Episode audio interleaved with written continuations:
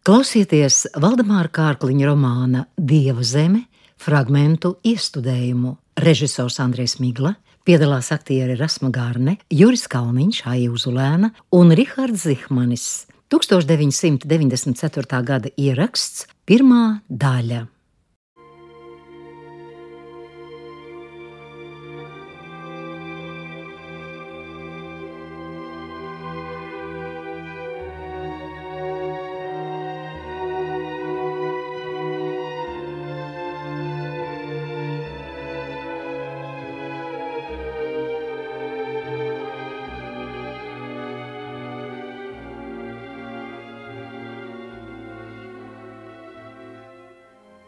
To nedēļ viens darbs dzina otru, un dienas pagāja steigā, naktis cietā miegā.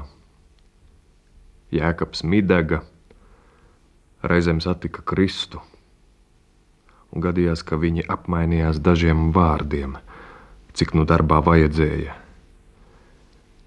Jēkabs tikai nodūra acis, jūtams, ka viņu starpā palika kas, ko labāk nepieminēt. Laikam arī Krista nu kaunējās par savām bērnišķīgajām bailēm. Bet acis viņa nenolaida, un reiz Jēkabs nevilšs uztvēra viņas skatienu. Tas bija maigs un silts. Likās, ka tas klusām smietos, un to manot jaunais mīdāga apmuls tūliņ manījās projām. Sesdienas pievakarē Jēkaba tēvs, vecais mīdāga, izkurināja pirti. Un tā kā vīri strādāja laukā, Sievietes šoreiz nomazgājās pirmās. Tā kā jau bija vēls, jaunais midega aizjājis zirgus uz aploku, pārradās pats beidzamais. Kad arī kapēka ar zēniem un puisi bija nopērušies, tikai tad viņš prasīja tīru veļu, lai iet uz pirti. Bet nu uzreiz Lība nevarēja atrast saimniekam krekla. Tīrie brīnumi! Vai nav jocīgi? Pati satinu vīstokli un tepat noliku. Nu pat, nu pat vēl bija, bet nu uzreiz nav. Krekls kā ūdenī iekritis. Diezin, kur jūs esat meklējusi? Rekur krekls saimnieka pagalvī. Tiešām krekls bija atradies. Nekas. Ejiet vien gulēt. Es pat aiznesīšu. Vēlāk Lība atminējās, Viņai bijusi savāda nojauta, ka nevajadzētu Kristu laist. Bet tobrīd viņa juta tikai miegainu gurdenumu, un pati pēc pirts sakarsusi un matus lakatā satinusi, labprāt vairs negribēja ārā iet. Viņa tikai pastāvēja saimnes istabā pie loga un noskatījās, ka Krista ar balto sainīti padusē ātri aizgāja zaļajā krēslā. Bija kluss, silts vakars, un lejā aiz ābeļu dārza, kur slēpās pirts. Vāliem vēlās viegli pelēka migla, kā balināti izklāta palagu drāna. Krista nu jau bija pie pirts durvīm. Un viņa pieklaudzinās, pasauks saimnieku un pados kreklu pa durvju spraugu. Varbūt saimnieks pateiks, lai noliek uz soliņa pie durvīm. Jā, tā viņš droši vien darīs. Bet pēkšņi lībai krēslā iepletās acis, un viņa pirmajā mirklī nezināja, vai ticēt tam, ko redzēja, vai neticēt. Krista neklauvēja, nesauca. Viņa vienkārši gāja iekšā. Durvis vērās un aizvērās. Kristas vairs neredzēja, viņa bija iegājusi iekšā, un Lībē likās, ka tālumā paklusu noklaudz durvis. Pagāja labs brīdis, iekams viņa sāk attapties. Bez kauņa viņa domāja. Lība stāvēja pie loga, nagiem ieķērusies palodzē, pieri rūtī piespiedusi, un vai acis izskatīja biezajā krēslā, gaidīdama, ka Krista nāks ārā pa durvīm, kur bija iegājusi. Bet Krista nenāca. Bez kauņa, zobus sakodus, Lība čukstēja. Viņa palika istabā pie loga un gaidīja. Tas nu tiešām nebija saprotams. Ko Krista tur darīja? Kā viņai nebija kauna tur iet? Tā taču neviena sieviete, nē. Tas bija gluži neticami. Kāpēc viņa tur tik ilgi palika nešpatnā? Kāpēc nenāca ārā? Vai tu reiz pratīsi kaunu un vilksies ārā? Lība murmināja, kā Krista varētu dzirdēt. Tūlīt uz pēdām ārā. Tev tur nekas nav meklējams. Atdod saimniekam kreklu un nāc ārā. Vai tu dzirdi nekauņa? Nāc ārā, nāc tūlīt ārā. Aiz sīla lēca mēnesis, paceldams starp lietus mākoņiem sarkanu blāzmu kā sēnes cepuri. Un klusums bija tāds, ka varēja dzirdēt rubeņus rubinām tām upes lejā, un ķīvītes sasaucamies skaņās, sievišķīgās balsīs, tālu uz purva pusi. Māja elpoja vienādi un dziļi kā lācis miegā, bet, ja labi ieklausījās, varēja dzirdēt klusu dzīvību pulsējumu. Laidarā lēni gremoja govis, reižu reizēm grūti nopūsdamās un ar asu mēli nolaizīdamas sānus, kas surstēja no dunduru kodieniem. Aitas reizēm uztrūkās no snaudas un ieplējās, aklās bailēs spiesdamās kopā aiz galda kaktā, bet pēc īsa brīža atkal norima. Šādi tad sidrabainis prāga sīkās plaisas istabas sienās baļķu virsmai saraujoties, jo nu tā ātri atzisa pēc dienas tveices. Kambaros smagi un vienmuļīgi elpoja aizmiguši cilvēki, šad tad lēni pagrozīdamies miegā, tā ka nokrakšķēja sausās gultu stakles un dārzā, kas visu nakti palika nomodā. Vēsās un briestošās dzīvības pilns, ik pa brīžam klusu iešalcās galotņu lapas, uztverot nakts vēju, kas skrēja pāri, tikko pieskardamies zaru galiem. Tad Lība ieraudzīja saimnieku nākam pa pļāvu uz dārza pusi un sarāvās pārsteigumā, redzot, ka jaunais midega nesa Kristu rokās. Mēnesis gaismā skaidri varēja redzēt, kā viņš lēnām soļoja, pieliecis galvu tīrajās, baltajās drānās un turēja mazu, vieglu sievieti pacelt pie krūtīm, un lībai aizsitās elpa. Vēl brīdi Lība neattapās, ko domāt. Nevarēja izšķirties, vai palikt istabā, vai skriet ārā saimniekam pretī. Un tad, tad viņa redzēja, ka Jēkabs palaida Kristu vaļā, un tālāk viņa soļoja blakus cieši apskāvušies lēnām, kā kad būtu piemirsuši, no kurienes nāca un kur jāiet. Viņš paspēra dažus soļus, pastāvēja starp kokiem, pagāja atkal, tad apstājās zem ābeles. Jēkabs turēja Kristu tik augstu paceltu, ka tai pēdas tikko dūrās pie zemes. Pats pie ābeles atspiedies un krustīja Kristus muti. Tad lība drusku attapās, pamazām atskārsdama, ko redzamais nozīmēja. Un viņai kakls aizņaudzās dusmās un sāpēs. Viņa zināja gan, ka reizēm notika tādas lietas, ka neprecējušies saimnieki dzīvoja ar meitām, un neviens par to lielu negodu neieskatīja. Bet kā arī jēkabs, viņas jēkabs tā varētu darīt, tam viņa negribēja ticēt.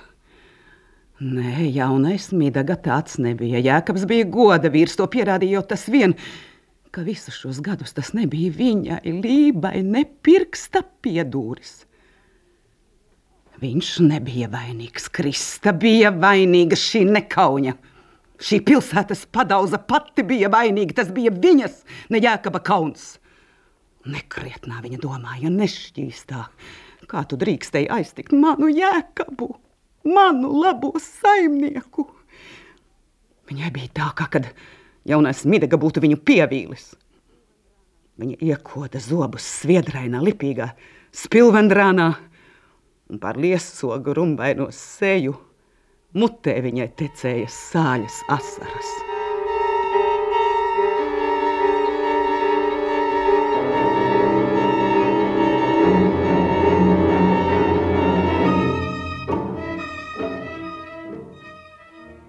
Abas sievietes jūta, kas tuvojās, un neviena ne otra nevairījās. Bet likās arī vēl skaidri, nezināja, vai pienācis īstais brīdis. Un varbūt nebija skaidrībā, vai pašai sākt, vai gaidīt, lai sāk otra. Tā viņas stāvēja un vēroja vienu otru. Lība šaurām acīm, saknieptām lūpām, pilsētniece, tumšu, drošu skatienu un tikko manām zobgalīgu smīnu apmuti. Krista paņēma savu gultu aiz gala un gaidīja lību palīgā. Ko tu nu? Vai tepat nav labi? Nav. Kad līst ūdens tek acīs un Ak, kungs, ūdens piliens. Kur tu nesīsi? tepat. Ko? Ko tu saki? Saimnieka galā? Kam var arī pie saimnieka? Nu, jā, man vienai bailes. No žurkām. Apjukumā lība mirkli stāvēja kā sasalus, nezinādam, vai Krista runāja nopietni vai jokojās. Tad viņa attapās un sāka spiegt tā, ka tur bija ko dzirdēt. Saimes ļaudis tikko atkrituši īsai diendusai, uztrūkās un brīnījās, kas noticis vai pirts degā. Un es, lai palīdzot, no žurkām bailes. Pati laba žurka! Tu mani par muļķi turi. Laikam neredzu, ko perini. Nezinu, kas notiek zem tumsas segas. Kam acis tas redz, kā tu lenc saimnieku, kur tu nakti lien. Un nu tev ar to nepietiek. Tu gribi ieplesties viņa galā kā liela mate. Maizē apēdusi kaunu godu. Vai tas tev maz kādreiz ir bijis? Bezgode, bezskauņa, tā tu esi. Bet tu pievilsies. Saimnieks tevi pārkodīs un izspļaus ārā kā tukšu riekstu. Te ļaudis nedzīvo grēkā. Te ir godīgas mājas, kur bīstas dievu. Vācies ar savu gultu sklētu uz vāgūza, vislabāk uz suņu būdu, vēlna mātīte grēka pagale. Un paķērusi, žagaru no krāsnes priekšas viņa grasījās kristai sist, kad troksni padzirdis no kambara iznāca jaunais midega. Viņš bija īsu brīdi snaudis, iznāca sabozies, plaukstā žāvādamies, apstājās uz sliekšņa un skatījās priekšnam pakrēslī valgi zilām miegainām acīm. Lība, lība, ko nu kliedz, kā? Kas te bija? Nekas! Sauc palīgā ienest gultu, bet uzreiz sāka kliegt kā vilka plēst. Kur ienest? Kambarī. Kāpēc tad nepasauc mani? Un Jēkabs pacēla gultas galu, un par abiem viņi to ienesa saimnieka galā. Bet tai mirklī lība atdabūja valodu. Kad tu izputētu skauģe, kad tu izdēdētu badmira, kad tev krekla mugurā nepaliktu. Pati sava kauna neredz grēka maisu, otram melu maiznaga meklē. Kad tev utes noēstu, kad tev vēders gar zemi vilktos, kad tev mēle nopūtu, mute ar zilu uguni izdegtu. Nekrietnā mēlē, kad tev āda kā čūskai novilktos, kad tu pinekļus sāktu ēst. Saimniek, kamēr es te esmu saimniece, es ar viņu vairs negribu zem viena jumta dzīvot. Dariet, kā ziniet, bet es. Tu te vairs neesi saimniece. Ko? Kas tu esi? Es esmu līgta uz gadu. Vai nav tiesa, saimniek? Jūs taču tā nedomājat. Jā, es tā domāju gan. Jā, Krista jau nu būs iemācījusies. Viņš iegāja sēdes vidū, vairs neskatīdamies atpakaļ.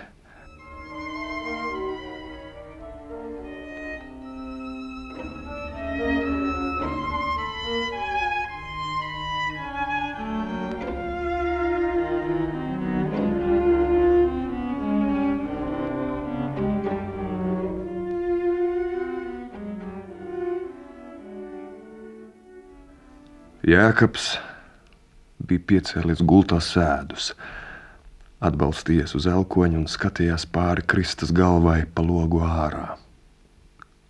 Blāvajā nakts gaišumā. Tā viņam nu pagāja naktis, klusu runājot ar Kristu, vai tāpat skatoties ārā pa logu un domājot. Vislielākais brīnums bija noticis ar viņu pašu. Viņā pašā. Pasaule ar savu neredzēto mirdzumu saplaka sīka, maza, tā gulēja kā glīti kopts dārziņš pie viņa kājām. Un viņš, jaunais midega, stāvēja tās vidū kā milzis starp lēzenām raibām puķu dobēm. Ja šodien labi birs, uzmini, ko tad darīšu Krista. Ziemu vedīšu būvkokus un nākam vasar celšu jaunu istabu. Celšu gaišu, jaunu un tīru kā pilsētā. Vai tu gribi? Jā, Jēkab, tas būtu jauki. Ja tu domā, ka varēsi. Domāju, gan. Ja labi birs, lai tev nav jānožēlo, ka esi atbraukusi lieliem logiem, kā pilsētā tu redzēsi. Un kad istaba būs gatava, būs jāceļ jauna kūts, seklā kūts tāda kā muižā. To varēs turēt tīru kā magazīna klēti. Tāda, kādas nav nevienai saimniecei salgožu pagastā. Vai tāda tev patiktu, saki? Bet kam tev jāuzņemas tādi grūti darbi? Var jau iztikt tā, kā ir. Kāpēc tu to visu gribi darīt, Jēkab? Tas tik nieks, tu redzēsi, Krista, ko es izdarīšu. Tas tikai sākums. Nu, es zinu, kas man jādara nu es to visu izdarīšu. Tur redzēsi, uzcelšu jaunas ēkas un uzplēsīšu atmatas. Pēc pāris gadiem tu midegas vairs nepazīsi. Nopirkšu mašīnas un sastrādāšu laukus. Un svētdien brauksim baznīcā. Visa draudzene skatīsies, visas sievas un meitas.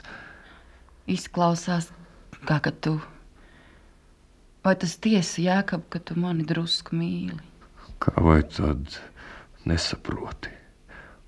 Es taču tev visu laiku to saku, Kristā. Es nezinu, ko darīt tevis dēļ, mīļā. Labā nezinu, ko atdotu par tevi. Ja vajadzētu, es atdotu roku, savu labo roku, un man nemaz nebūtu žēl. Nerunā tā, tā nevajag runāt, tas nav labi. Dievs var dzirdēt, ko tu saki. Kā tad tu padarītu visus tos lielos darbus, ja tu man atdot roku? Un diezinu, vai, vai es to maz esmu pelnījusi. Tu jau vēl nemaz nezini, kāda esmu. Kāpēc tu man netici? Kā tad nezinu, Krista? Es zinu, cik tev laba sirds, un tu esi viskaistākā sieviete pasaulē, Krista. Tu esi skaistāka kā, kā ķeizariene. Vai dieviņ, par ko tu man tā mīli, Jēkab? Labāk neiedomājies par daudz, ka tev nav jāpieviļas. Es taču esmu gluži vienkārša sieviete, kādu ir tūkstošiem pasaulē. Pavisam vienkārša sieviete. Gulēt nu labāk, drīz būs rīts. Kad Jēkabs atlaida galvu uz cietās pilvena, laizdamies vieglā caurā miegā, gaili dziedāja otru reizi.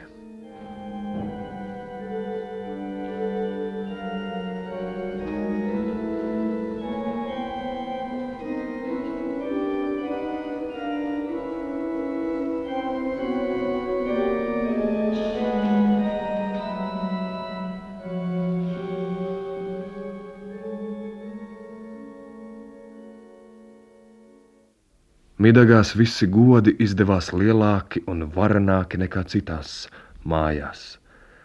Tad no arī savas kāzas jēkabs, zināms, bija nodomājis rīkot tādas, kādas pagastās sen nebija redzētas.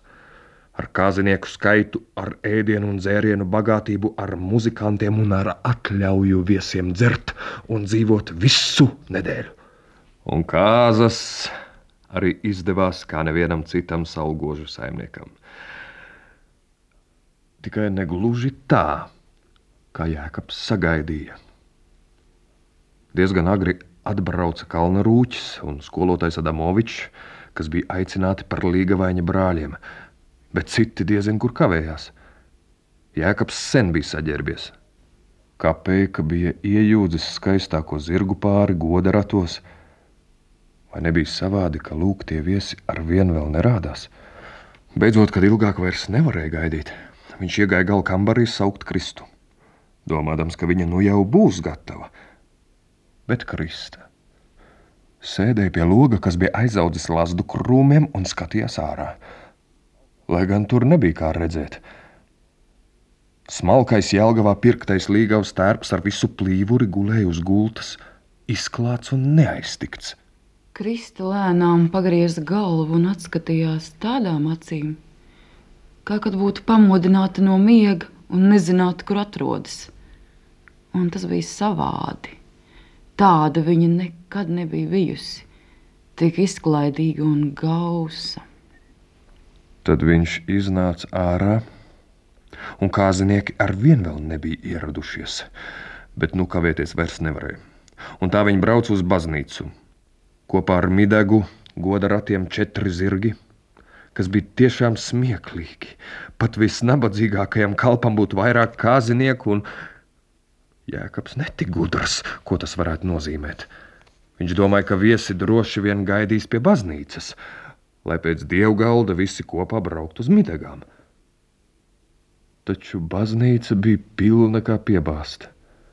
Un kaut arī jaunais midega lielā aizkustinājuma dēļ daudz apkārt neskatījās ar Kristu pie rokas uz altāri ejot, viņš ar lepnumu nodomāja – ka klāt bija visi viņa lūgtie viesi un daudz citu, patiesībā puspagasta, un kā no sieviešu, tā vīriešu puses viņus ar Kristu pavadīja ziņkārē sastinguši skati un klusi čuksti, ko varēja dzirdēt caur ērģeļu dunoņai. Visu šo lielo uzmanību jūtot, jēkabs apreiba, Krista blakus soļoja Likās, ka baznīcas grīda līgoto zem kājām kā nedroša laipa virs dziļa ūdens. Bet par spīti satraukumam sirds viņam lauzās kaklā aiz liela lepnuma un prieka. Tad viņi stāvēja mācītāju priekšā. Un mācītājs Laipni viņos skatīdamies, svinīgi kaut ko runāja, tikai jaunais midega no tā visa nekā liela nesaprata. Viņam reiba galva un grīda līgojās un cilājas kā šūpuļu dēlis. Bija jāsaņem visi spēki, ka noturētos kājās un sirds. Sirds viņam krūtīs daudzies skaļāk par mācītāju kluso balsi.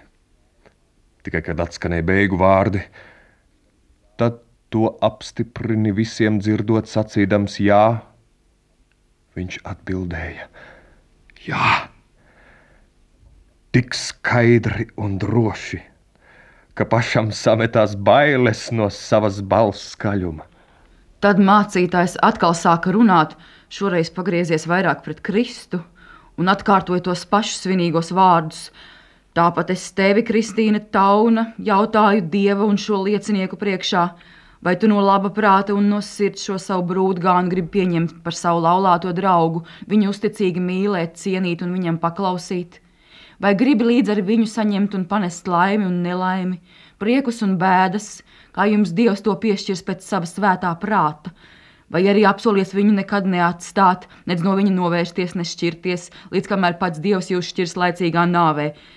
Beigās tāpat kā viņam jautādams – Ja tu to no visas sirds esi nodomājusi un apņēmusies, tad to apstiprini visiem dzirdot sacīdama jā. Un viņa vārdi izskanēja un apklusa, un Krista neatbildēja. Tas bija tik savādi un nāca tik negaidot. Mācītājs skatījās viņā un gaidīja, bet Krista stāvēja jēkabam blakus cēlu un balta līgava stērpā, Pat seja viņai bija gluži balta. Tikai acis likās mazliet iekritušas un aizēnotas, tik skaista kā vēl nekad. Un neatbildēja mācītāja jautājumam. Tad mācītājs atkārtoja jautājumu vēlreiz, un atkal gaidīja atbildi. Un Jēkabs satraukumā un neizpratnē iesānis skatījās Kristus baltajā sejā, un šoreiz viņa pakustināja lūpas. Jēkabs gan nedzirdēja neskaņas, bet varbūt viņam bija uztraukuma aizkritus auss. Laikam taču viņa klusu bija atbildējusi, jo mācītājs nu likās apmierināts. Viņš tiem sprauda gradzenus pirkstos, svētīja viņus, spieda tiem rokas, vēlēdams laimes, un ceremonija bija galā. kad viņš ar Kristu tuvojās ļaužu pulkam, kas drūzmējās pie baznīcas. Viņa priekšā pašķīrās plata iela, un viņš varēja pa to soļot gluži tāpat kā baznīcā starp abām solu rindām. Neviens nestājās tiem priekšā, nelūkoja tos aizskavēt, citi atkāpās un tikai noskatījās, un viņiem iznākot, pat sarunas apklusa. Neviens neteica ne vārda, kas būtu domāts viņam ar Kristu. Neviena puķa nenokrita sausajās smiltīs Kristus ceļā, neviena roka nepasniedzās Jēkabam pretim ar sirsnīgu spiedienu novēlēt laimes. Beigās daži kalpi un tālāk saimnieki tomēr pienāca klāt, un četri vai pieci pajūgi, to starpā purgailis un lielais ķikuts, izbrauca līdzi. Bet tiem jau tik un tā uz to pusi bija braucams un kad jau skaidri varēja redzēt, ka vairāk kāzinieku nebūs, lielais čikuts piekārāva pilnus ratus, pagasta ubagu un pasauc vēl dažus vīrus, kas tūliņ pēc baznīcas bija apturējuši krogu priekšā. Un tā nu kāzinieku rindas salasīta un smieklīgi īsa, putekļiem kūpot laida uz midagām. Viņi pārbrauca mājās, kur jau bija klāti gari galdi lielajā kambarī un sēdz vidū zem liepām. Tur bija tādu ēdienu, dzērienu bagātība, ka varētu mieloties puspagasta ļaudis. Kaut gan jaunais Midega nezināja, ka visi ēdieni bija vai nu pārsālīti, vai piedeguši, vai kā citādi sabojāti. Lība pēdējās dienās bija nelāga omā. Laikam viņai bija misējies. Vai varbūt viņa to bija darījusi tiešām, kristai spītēdama? Skaidri nevarēja zināt. Bet tā kā lūk, tie viesi neatbrauca, galu galā arī bija alga viena. Krista iegāja gala kambarī un visu vakaru ārā tikpat kā nerādījās. Kad Jēkabs paskatījās, viņa atkal sēdēja pie loga un raudzījās ārā lasdu biezoknī. Nu jā, tur nebija ko brīnīties. Jēkabs viņu pilnīgi saprata. Šī bija tik svinīga diena, jaunas dzīves sākums. Tur tiešām bija ko pārdomāt. Viņš to netraucēja. Viņš gāja ārā pie viesiem.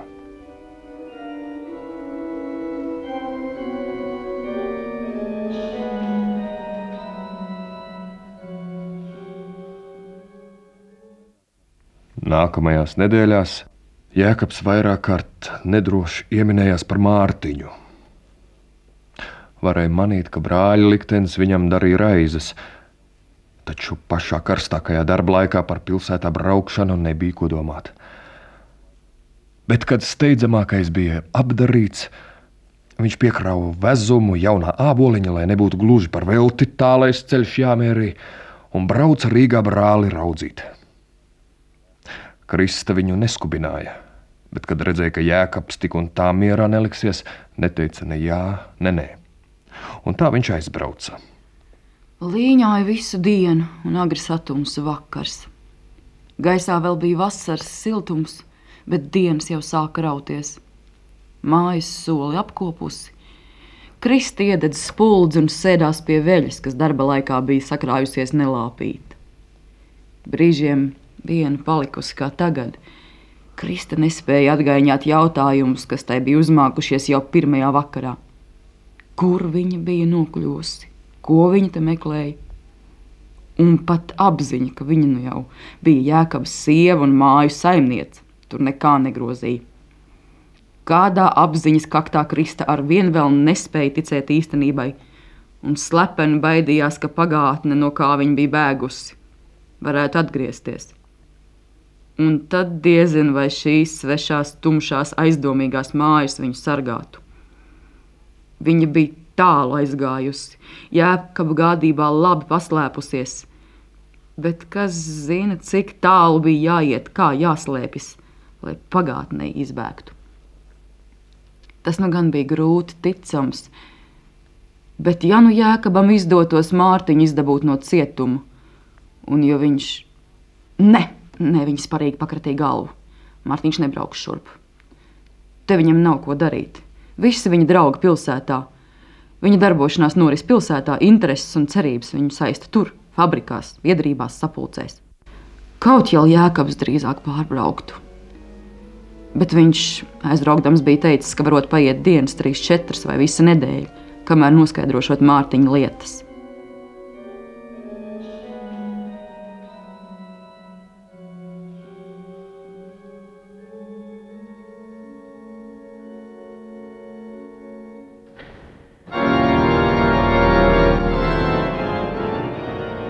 Viņa sarāvās tik spēja, ka iedūra pirkstā un galvu pacēlusi, elpu aizturējusi, ieklausījās tumsā aiz loga. Un tad viņa skaidri dzirdēja, kā pie rūtas pieklauvēja.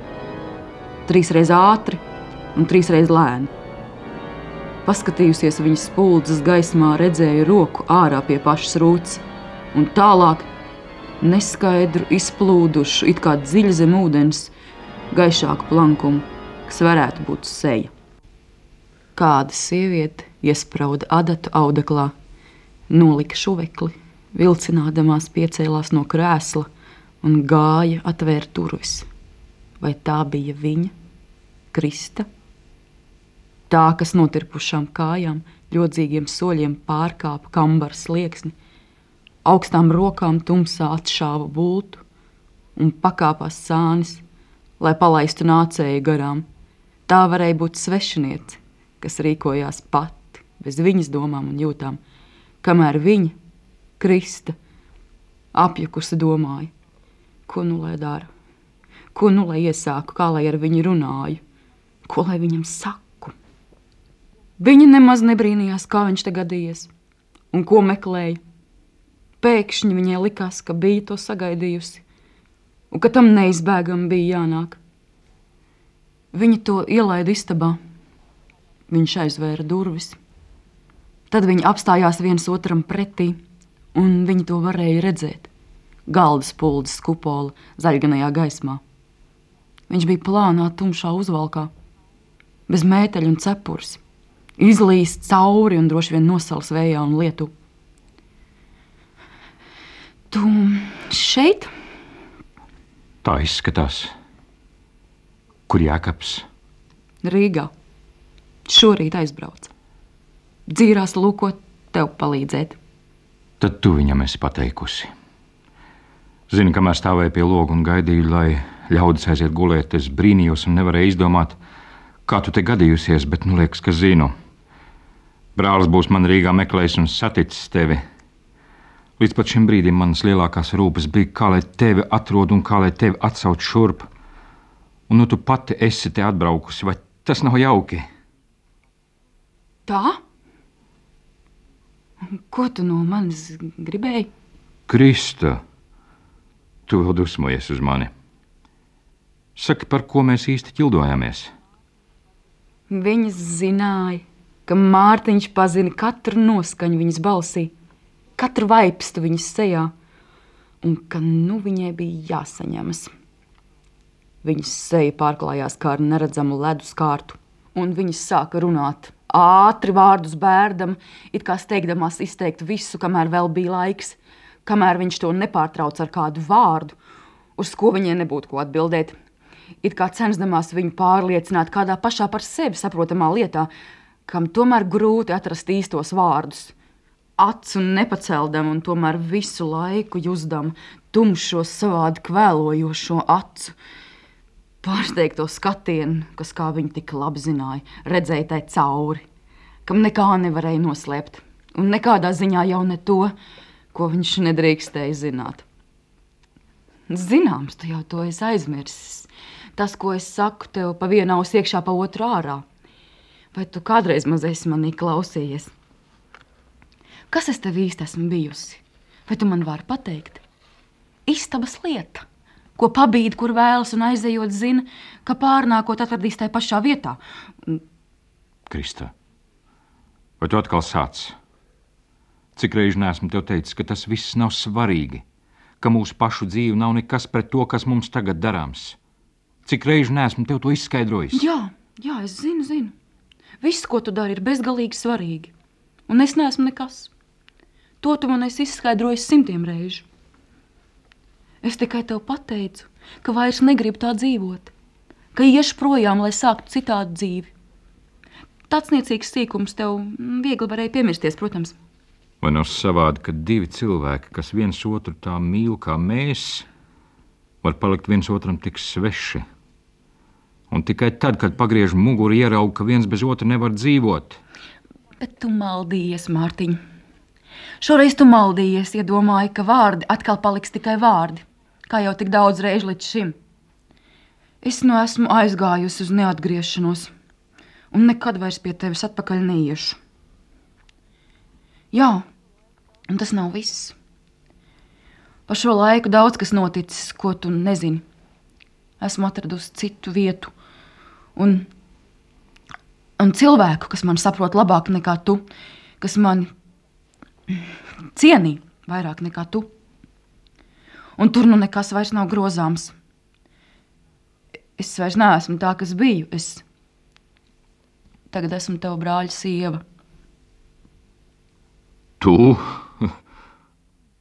Jēkabas sieva? Nevar būt. Jā. Mēs pirms četrām nedēļām salauzāmies. Redzi, man ir gredzens.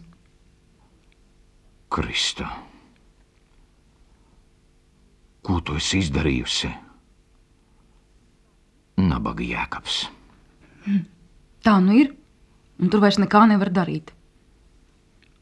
Katra sieviete manā vietā būtu darījusi to pašu. Māte man brīdināja, kad lauzos pie tevis, un es viņai neticēju. Es jau toreiz biju akla, bet viņai bija taisnība. Un par jēkabu labāk nezobojies. Viņš nav tik gudrs un izglītots kā tu, bet viņam ir sirds un goda prāts. Kā tu varēji? Kā tu varēji aizmirst, ka esi mana sieva? Tava sieva! Tava sieva! To es nezināju. Jēkabs mīl mani, un es. Man neienāca prātā, ka tu bēgsi no manis, kamēr esmu cietumā. Tev taču vajadzēs zināt, ka tu man esi vajadzīga, ka mēs nekur nevaram viens no otra aizbēgt. Varbūt es arī to tik skaidri nezināju. Cik tad man laika savai dzīvei? Bet tev to vajadzēja zināt. Un kā tu tiki ārā? Vai tiesā tevi attaisnoja? Nē, man piesprieda divus gadus. Bet man laimējās. Mūsu trīs veidos Dienaburgu un pa ceļam izbeigām. Viens sarks bija mūsu hēžs, otra mēs. Un es izlaisu pa vagonu logu un pa mežiem atnācu šurp, nācu visu dienu un nakti, labi, ka lija. Lauki un ceļi bija tukši. Tu izbēgi! Vai tevi vajās? Tev dzīs pēdas? Droši vien. Jādomā, gan mierā jau viņi neliksies. Cik nu viņiem laika atlicis drīz pašus padzīs kā trakus suņus. Mm, nu jā. Sākumā būs jāuzmanās. Jau viņi kādu laiku ložņās apkārt šie cārs sulāņi, šie naudinieku algotie bendes. Neviens nedrīkst zināt, ka esmu šeit. Arī mājas ļaudis ne. Paslēpšos Rijā un kādu laiku dienas gaismā nerādīšos. Man viņa vairs nenoķers, par to tu vari būt droša. Nu, viņi abi klusēja ilgi. Krista domāja, kādas briesmas viņam draudēja, kā viņš tam spītēja, kā puika, rotaļādamies ar uguni. Tas, kā jēkabam pietrūka, viņam bija dots pārbagātā mērā. Bet tā, ar ko jēkabs bija bagāts, viņam nebija nemaz. Šā vai tā viņiem abiem trūka. Un pēkšņā skaidrībā viņa ar bailēm atskārta, ka neviens ne otrs, jēkabs vairs ne, un arī Mārtiņš vēl nevarēja iztikt bez viņas. Un diezin vai maz kādreiz varēs. Varbūt tā mana paša vaina. Mēs abi esam kļūdījušies. Es esmu savu tiesu vainīgs, to tagad redzu, un tu, Krista, esi izdarījusi kļūdu. Sāksim dzīvi no jauna, Krista. Mums tas jādara. Mums nav cita ceļa. Tev vairāk jāuzticas man, tev jāzina, ka mēs piedarām viens otram, un tu nekur nevarēsi aizbēgt no manis, lai darītu, ko darīdams. Ko līdz vairs par to runāt? Ir taču daudz par vēlu. Varbūt ir vēlu, bet nav par vēlu. Nekad nav par vēlu, kamēr dzīvojam. Nē, Krista, nav par vēlu. Mūsu dzīve nemaz vēl nav sākusies. Tā tikai vēl būs. Un ilgi vairs nav jāgaida. Nu, tā būs drīz. Patvaldības dienas ir skaitītas zem rūkst nemieros. Drīz nokritīs važas un brīvība atnesīs laimi tautai un arī mums. Kas mēs esam? Kas mūsu sīkā nožēlojamā dzīvība pret jaunas sabiedrības, jaunas pasaules dzimšanu? Vai tu to nesaproti, Kristā? Nekad neesmu domājis par savu dzīvi, kā es to drīkstētu vētras laikā, kad mums jāiet kā zaldātiem kaujā, kad viss jādod uzvarai. Un tev nu būs vieglāk nākt man līdzi. Es nekad vairs neatlaidīšu tavu roku. Es nu zinu, ka tu. Ai, kam tu veltīgi runā? Es nekur vairs neiešu. Esmu atnākusi šurp un palikšu te pie jēkaba. Es taču esmu jēkaba sieva. Cik reiz man tas jāsaka? Tu nenāksi? Nē. Kur tu iesi? Tu taču vari palikt. Jēkabs, mēs tevi paslēpsim Rijā. Tu tagad nevari. Palikt. Pie jēkabas sievas. Pat ja ārā būtu žandarmi ar suņiem vai cietumsargi ar roku dzelžiem, tad arī es ietu. Jēkabas sieva. To es negribu redzēt. Man Krista, Jēkabas sieva. Viņš iesmējās un atvēra durvis. Un tajā mirklī, kad viņš spēra kāju pār slieksni, kambarī no priekšnām iesitās caurvējš, un vājā liesmiņa spuldzē noplīvoja un tik tikko nenodzisa. Tikai vāji mirstoši maldeguns vēl līpināja zem zaļā kupola, lai tūlīņi apdzistu pavisam. Mārtiņ! Viņa čukstēja, bet pašai likās, ka kliegtu. Tik dobišs bija klusums, un tik skaņi dimdēja viņas sirds. Mārtiņ! Varbūt viņš dzirdēja. Pēdējā mirklī jau plūda varā, jau aiz tumšā sliekšņa, kas viņu šķīra. Varbūt arī nē. Varbūt viņš vienkārši juta, ka viņa to sauca. Zināja to, tāpat kā viņš visu zināja. Nākamajā mirklī viņa bija viens otru rokās un vairs nebija jārunā.